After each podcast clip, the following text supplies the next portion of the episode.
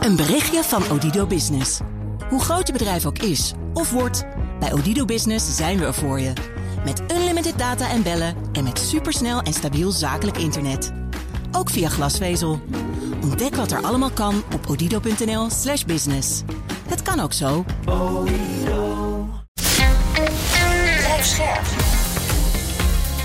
BNR Nieuwsradio. Boekenstein en de Wijk. Hugo Reitsma. Dit is een extra uitzending van Boekenstein en de Wijk in verband met de oorlog in Oekraïne en de crisis met Rusland. Het is maandag, dag 355 van de invasie. Hoe gaat het met het offensief? Uh, een beetje traag, uh, lijkt mij. Uh, als je kijkt waar het hardste wordt gevonden, dan is dat eigenlijk in het, um, ja, zeg maar tegen het noorden aan van het hele bezette gebied. Dat is die, die beroemde uh, Kremina-Statove-lijn. Ja, ja. uh, daar wordt keihard uh, gevochten. niet heel veel vorderingen. Het is on, onmiskenbaar zo dat, er, dat de Russen gebied hebben veroverd in dat, in dat deel. Dat is gewoon absoluut zo. Maar het gaat om nog hele kleine, ja, hele kleine vorderingen. naar het zuiden zie je dat is een, nou wat zal het zijn, een 150 kilometer er vandaan. Bakmoed. Uh, nieuwe aanvallen. Uh, die zijn wel afgeslagen, maar tegelijkertijd moet je constateren dat de aanvoerlijnen naar Bakmoed, zeker uit het oosten en uit het noorden, dus niet uit het westen, uh, feitelijk binnen schootsafstand liggen van de Russische tanks en de artilleriestukken. Dus daar zit een, een geweldig probleem in. Ehm, dan hebben we de voortdurende discussies, wat nu eigenlijk Wagner aan het doen is. Uh, die zegt, nou ja, we hebben nu toch uh, een stad veroverd ten noorden van Bakmoed. Dus dat gaat mm. goed. Maar dat is ook weer niet echt geverifieerd. Ja, kortom. ja, misschien toch nog eventjes naar, naar Volidar. Dat ligt, wat, ja. dat ligt iets ten zuidelijke van Donetsk. en daar wordt ook hard gevochten. Maar daar is interessant dat die Russische mulbloggers op dit ogenblik daarnaar aan het kijken zijn wat daar gebeurt. En die zeggen, ja, die uh, Russische generaals zijn totaal incompetent bezig. Een uh, luitenant-generaal Muradov, die heeft het helemaal verklooid. Uh, want die, ja, die heeft feitelijk gewoon, die, die is niet in staat geweest om daar echte vorderingen te maken. Ehm, en die moet maar eens even hard worden aangepakt. Hè. Dat zie je hmm. dus op die mailblog community gebeuren. en dat is, speelt ze vooral op Telegram af. Kortom, ja, uh, het, uh, er wordt keihard gevochten. Nee, er worden geen grote vorderingen gemaakt. Mm. En is het zorgwekkend voor Rusland, uh, zorgwekkend voor Oekraïne? Het antwoord is ja. Mm. Want ja, ik ben ervan overtuigd dat dit ja, nog maar echte inleidende beschietingen zijn. Mm. Omdat diverse troepen die opgesteld zijn in het achterland, dat zijn meer reguliere eenheden, die worden nog niet ingezet. Dus daar zit wel voor de Russen een geweldig probleem in. je ziet dat dat echt onderdeel is uh, van een grootscheepse reorganisatie van de wijze waarop ze daar aanvallen. En al die irre irreguliere strijdkrachtjes waar we het eerder over hebben gehad. Uh, dat zijn die, die, die, die clubs die, uh, die vechten in die zogenaamde volksrepubliekjes Luhansk en Donetsk. Het, is, het zijn de clubs van, van Wagner, Tsjetsjenel, dat soort, ja ik zou bijna gespuis wat daar... vecht, ja, dat moet nu verenigd worden in een rode vechtmachine. Dat wil maar nog niet echt lukken. Ja, ik las ook net, jongens, dat de Oekraïne uh, vindt niet meer dat NGO's en mensen die steun verleden naar Bakhmut kunnen gaan. Hm. En sommige mensen zien dat als een soort prelude dat, uh, dat Oekraïne zich misschien gaat terugtrekken. Of dat ja, ja. Met, ja, de bevolking laatst uh, ja. gezegd dat ze, dat ze nu echt allemaal weg moeten. Dus dat, ja. ja. ja, dus zeg maar Krasnagora, dat ligt iets ten noorden van Bakhmut, dat schijnt nu te zijn ingenomen. En uh, ja, dat, uh, dat heeft wel consequenties hoor. En zeker dus dat je die snelwegen en die aanvoerswegen eigenlijk niet meer naar Bakhoek uh, goed kunt gebruiken, is wel echt een probleem.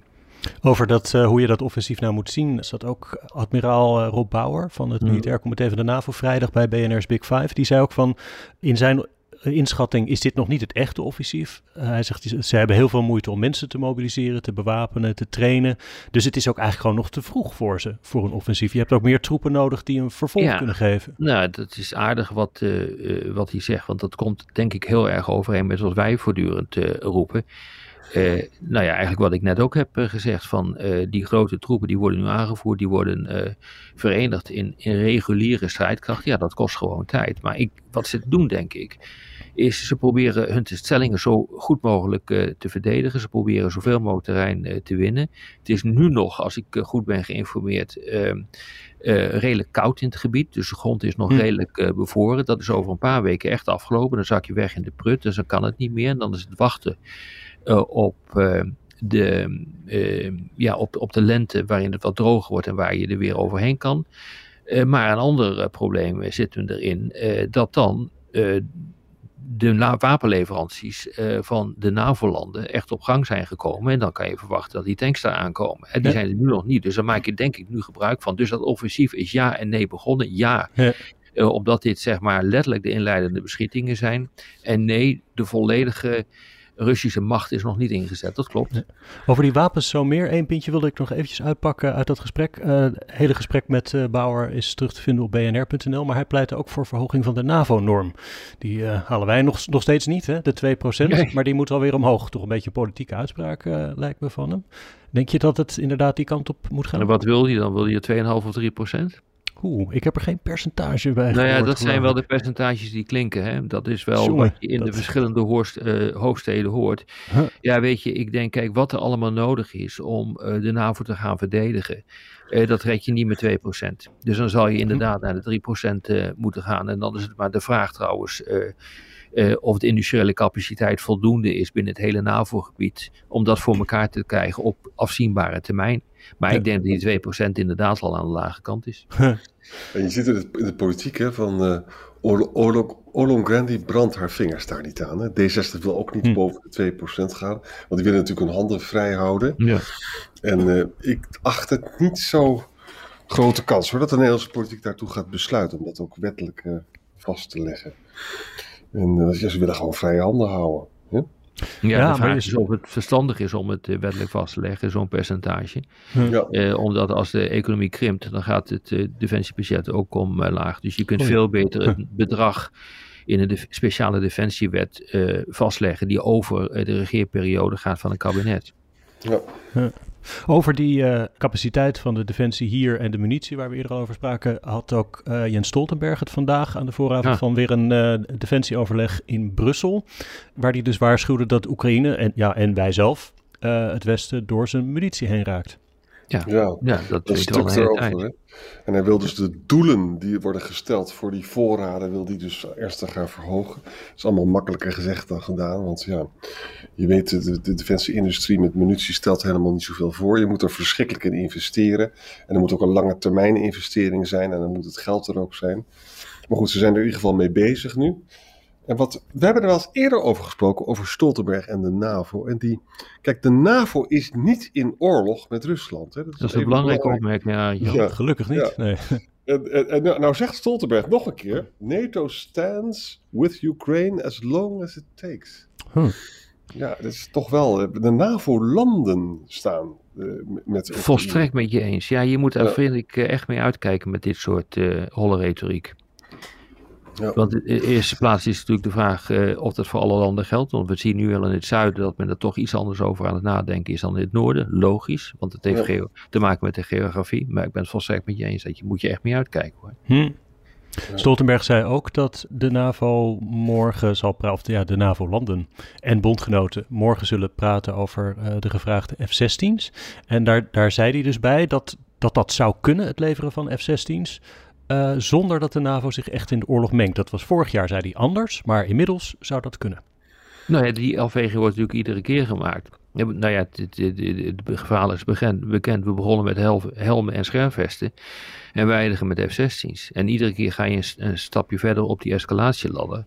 Maar kijk, het hele probleem uh, van wapensystemen waarmee je ook Rusland kan bestoken, dat is niet weg. Dus als je het gevoel hebt dat Rusland daar niet op zal uh, antwoorden, dan kun je het doen. Als je het gevoel hebt dat het wel zo is, maar dat zullen echt de inlichtingendiensten uh, moeten uitknobbelen, dan moet je het niet doen. En wat belangrijk is hier, jongens, we weten dus dat de Amerikanen en zeker ook Biden, die wil helemaal geen F-16's uh, leveren. Hm. En we zien dus dat Stoltenberg er ruimte voor maakt. We zien dat Engeland er ruimte voor maakt met die trainingen en zo. Ja. En De Oekraïners zelf zeggen tegen de New York Times: Nou, we gaan er wel vanuit dat we die jets krijgen hoor. En ook die lange afstandsraketten, dat gaat allemaal wel gebeuren. Het is wel slim gespeeld hoor. Ja, zo want, eh, het. ja, het is wel slim gespeeld. Want ze, kijk, zij spelen het voor je de andere route. Hè? Om dat nog een keer uit te leggen, want het is niet onbelangrijk.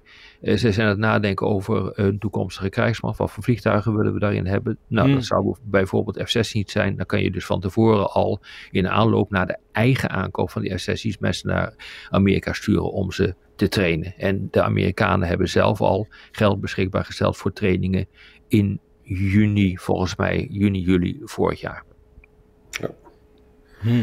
Maar dus de Amerikanen zeggen volgens Biden zegt gewoon nee op deze Ja, vraag, toch? En de Amerikanen moeten denk ik wel toestemming geven, want het is een Zeker. Amerikaans toestel. Zeker, zeker. Maar je ziet dus dat aan alle kanten wordt de druk opgevoerd om dit wel te gaan doen.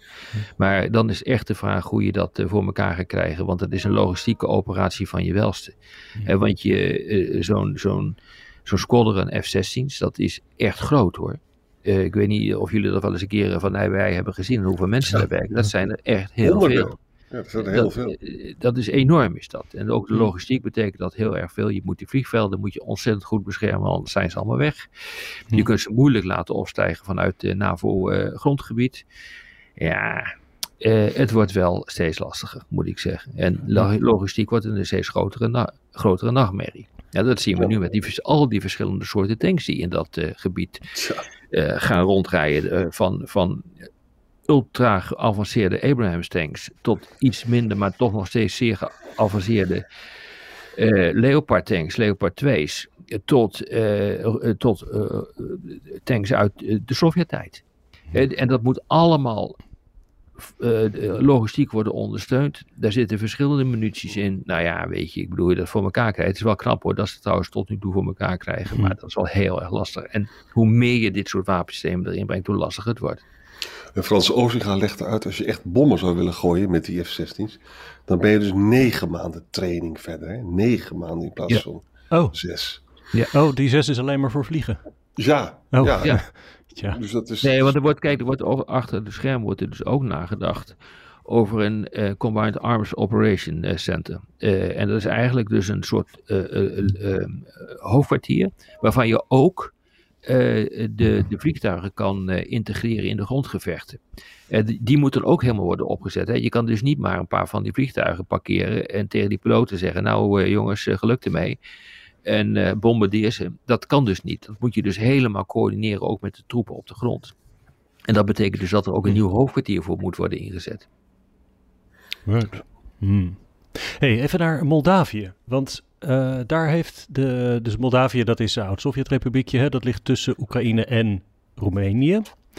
Eh, deel daarvan eh, zit het Russische leger ook nog, Transnistrië. Daar heeft de Oké. president Maya Sandu een persconferentie gehouden met de beschuldiging dat Rusland een plot eh, heeft opgezet om de regering omver te werpen, EU-toetreding van het land te stoppen, met groepen Russen, Belarussen, Montenegrijnen en Serviërs met een militaire achtergrond die het land zouden binnengesmokkeld worden om protest uit te lokken, overheidsgebouwen aan te vallen, gijzelaars te nemen. Een verhaal dat eh, eh, interessant genoeg vorige week ook al door president Zelensky als een Ja. waarschuwing werd genoemd. Jongen, Ja, het is echt eh, sappig, hè? En er loopt daar een oligarch eh, rond. De, eh, luister naar de naam Ilan Sohor. Die is heel erg close to Moskou. Zo, en, en die zit ook die demonstraties allemaal een beetje te financieren. Mo- Moldavië is echt een hele instabiele toestand. Hè? Er zitten ook Russische soldaten daarin, hè? Dat, in dat illegale stuk, weet je nog. Ja. En, maar goed, het feit dat, dat ze nu dat plot hebben ontdekt, dat zal die meneer Ilan Sohor niet leuk vinden, denk ik. Maar goed. Nou ja, weet je, het, het punt is natuurlijk wel, ehm, we hebben dit ook gezien, ehm, dan moet ik even goed denken, bij de toetreding van Montenegro tot, eh, tot de NAVO. ah, ja, toen was er ook een poging tot staatsgreep. Zeker, Ja. dat is dus gewoon gebeurd. En eh, dat was een, eh, daar zijn arrestaties gepleegd. We weten dat de GOU daarachter zat, de GROE. Dat is het, team van de militaire inlichtingendienst van, eh, van Rusland.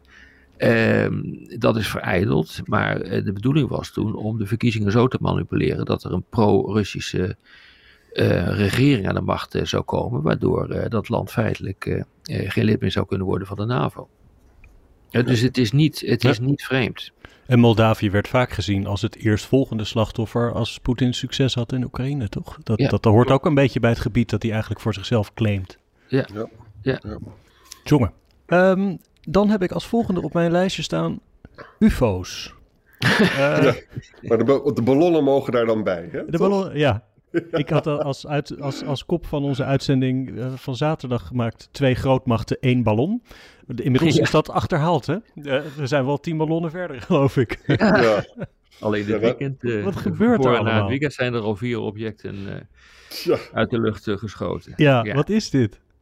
En ook, en ook China zegt u van ja, maar er hangen ook altijd Amerikaanse ballonnetjes hier Ja. boven China. Ja, het, is, eh, het wordt steeds wilder.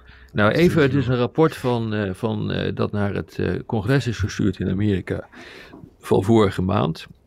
Dat was een geheim rapport over spionage met technische middelen. Wat daar weer is uitgelekt, dat is natuurlijk wel interessant, is dat er ehm, eh, 366 niet bekende incidenten eh, zijn gemeld. Uiteindelijk zijn er 163 eh, van opgelost en het bleek een ballon te zijn. Dus we mogen constateren dat het niet de eerste keer is. Mhm.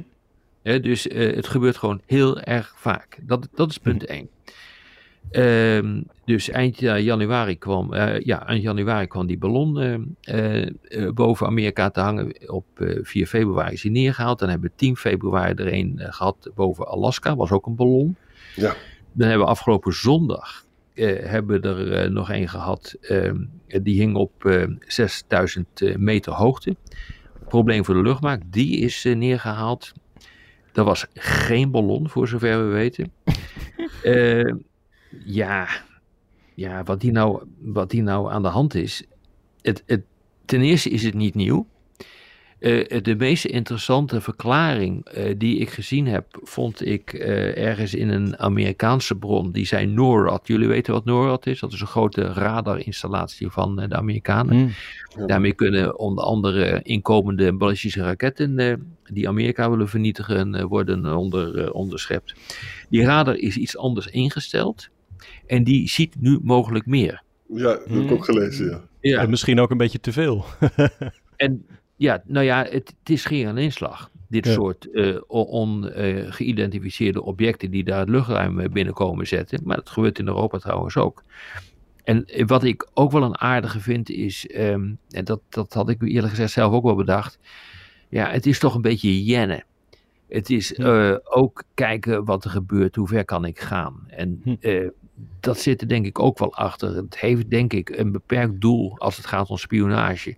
Om dat voor, met, voor elkaar te krijgen. Maar het heeft wel een hoog jennengehalte hoor, moet ik zeggen. Hmm.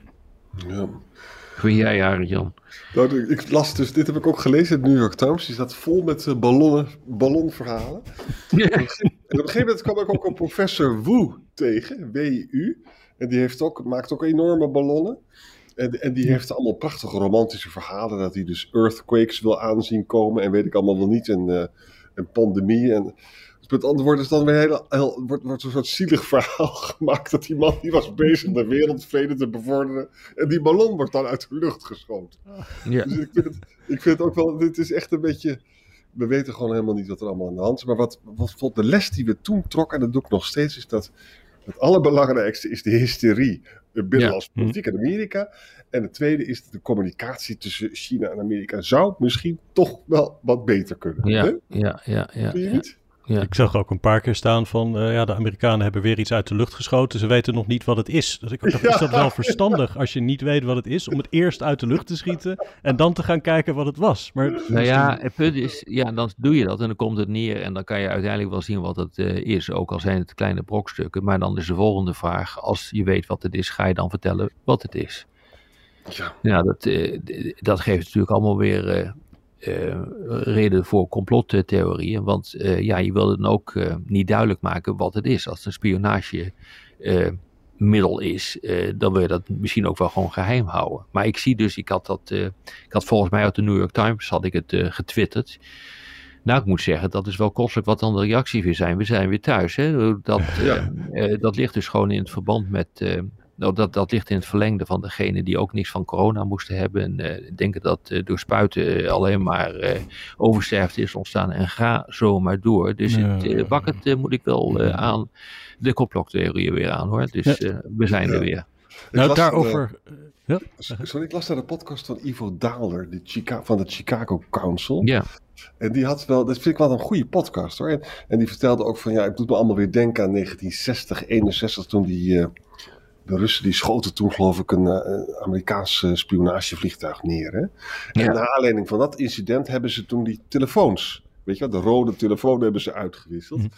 En nu wordt er dus gezegd dat op een of andere manier hebben ze dus die telefoons nu niet meer tussen de Chinezen en de Amerikanen. En dat, dat vind ik gewoon echt heel zorgwekkend. Mm. Zorg ervoor dat je kan bellen dat je nog een beetje kan uh, deescaleren. Lijkt me wel een aardig idee.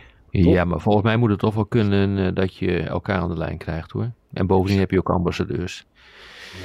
Hm. Uh, Hey, als we toch in de complothoek zitten. We hadden ja. vrijdag natuurlijk dat uh, stuk van Seymour Hersh. Die zei de Amerikanen hebben Nord Stream opgeblazen. Uh, spannend verhaal, al was het gebaseerd op één anonieme bron. Maar met heel veel details waarvan je denkt, wauw, hij weet het hele verhaal. Arjan, jij had een stuk waarin daar ja. wat gaten worden geschoten. Ja, er zijn heel veel van die onderzoeksjournalisten die er veel van afweten. Die natuurlijk met heel veel plezier dan gaten gaan schieten in het, in het verhaal van Hersh. Hè. En het, hij doet het op een hele, die Oliver Alexander doet het op een hele slimme manier. Hij zegt van ja, hij is heel detailrijk. Hij geeft heel veel ja. details. Maar ja, dan ga ik natuurlijk die details allemaal uh, bekijken. En dan, dan kloppen er een heleboel dingen die kunnen helemaal niet waar zijn. Hè? Huh. En die maken het eigenlijk. Ja, die, die, die, details waren eigenlijk onnodig geweest. Maar nu wordt zijn verhaal daardoor ongeloofwaardig. Bijvoorbeeld. De, de Noren zouden dan die boei hebben gedumpt uit een vliegtuig. Hè? Om de bom uh, af te laten gaan. Ja. ja. als je dat nou echt stiekem wil doen, doe je dat met een boot en niet met een vliegtuig. Hè? Hmm. En het belangrijkste punt is natuurlijk van, ja, waarom blaast Poetin slechts drie van de vier pijplijnen op? Terwijl, ja, en, en dan laat hij er één intact. Dat is toch, dat is toch gek? Dat, dat, sorry, waarom zou uh, Amerika, Amerika, dat dan doen? Ja, ja, waarom zou Amerika dat nou doen? Doe dan alles. Hmm. Hè? Dus dat is, uh, het is, het laatste wordt nog niet. Maar wat ik wel, wat ik blijf zeggen is, ik vind het gewoon ontzettend raar dat over zo'n belangrijk onderwerp als dit, dat er nog geen goed onafhankelijk onderzoeksrapport is. Ik vind, vind het gewoon gek. Hm. Ja, vind ik ook. Vind ik ook. Hm. En uh, zeker als uh, wij spreken Amerika hierachter zou, uh, zou zitten, dan is het ook raar. Want de repercussies, dat staat ook in het stuk van Hirsch, hè, de repercussies ja. voor uh, het transatlantische bondgenootschap, de NAVO, is, is, is natuurlijk gigantisch. Gigantisch. Ja. Is gigantisch. Ik bedoel, als je nou echt wil spelen met vuur, dan moet je dit doen. Ja. ja. Dus Hirsch heeft uh, niet het finale antwoord kunnen geven, kunnen we misschien voorzichtig concluderen. Maar ja. er blijven een heleboel onbeantwoorde vragen. Dat is toch erg Zeker. onbevredigend. Wat gewoon heel Zeker. zorgwekkend is, het zou waar kunnen zijn. En als het hm. waar is, we hebben dus al een periode waarin de spanningen zijn tussen Amerika en Europa. En die worden hierdoor nog vele malen groter. Ja. Ik hoop dus echt dat het niet waar is. Dat hoop ja. ik echt. Nou ja, kijk, er wordt natuurlijk iedere keer verwezen naar die opmerking van, uh, van Biden. Dat hij zei van, uh, ja, we kunnen die, uh, die pijplijn sluiten. Ja, weet je, Trump deed het, hè. Ja. Door middel van sancties kun je hem heel makkelijk sluiten. Dus, en dat is natuurlijk onder Trump, dat zijn veel mensen alweer vergeten. Maar zijn onder druk van sancties is die Nord Stream 2 pijpleiding ook gewoon niet afgebouwd. En onder ja. Biden is dat wel gebeurd. En dat is wel interessant trouwens. Maar toen vervolgens heeft, hebben de Duitsers de certificering ingetrokken. Dat was dat volgens klopt. mij oh ja. bij de inval in Oekraïne. Dus toen dat klopt, want hij kon ja. toch al niet worden gebruikt, die, die pijpleiding. Hm. Hm nou ja, het blijft een raar verhaal. En uh, het zal, uh, de onderste steen zal ooit wel een keer boven komen. Nou, en dan maken wij weer een extra uitzending. Ja, zeker. zeker. Voor nu bedankt. Ja. Tot morgen, jongens. Een berichtje van Odido Business. Hoe groot je bedrijf ook is of wordt, bij Odido Business zijn we er voor je. Met unlimited data en bellen en met supersnel en stabiel zakelijk internet. Ook via glasvezel. Ontdek wat er allemaal kan op odido.nl/slash business. Het kan ook zo.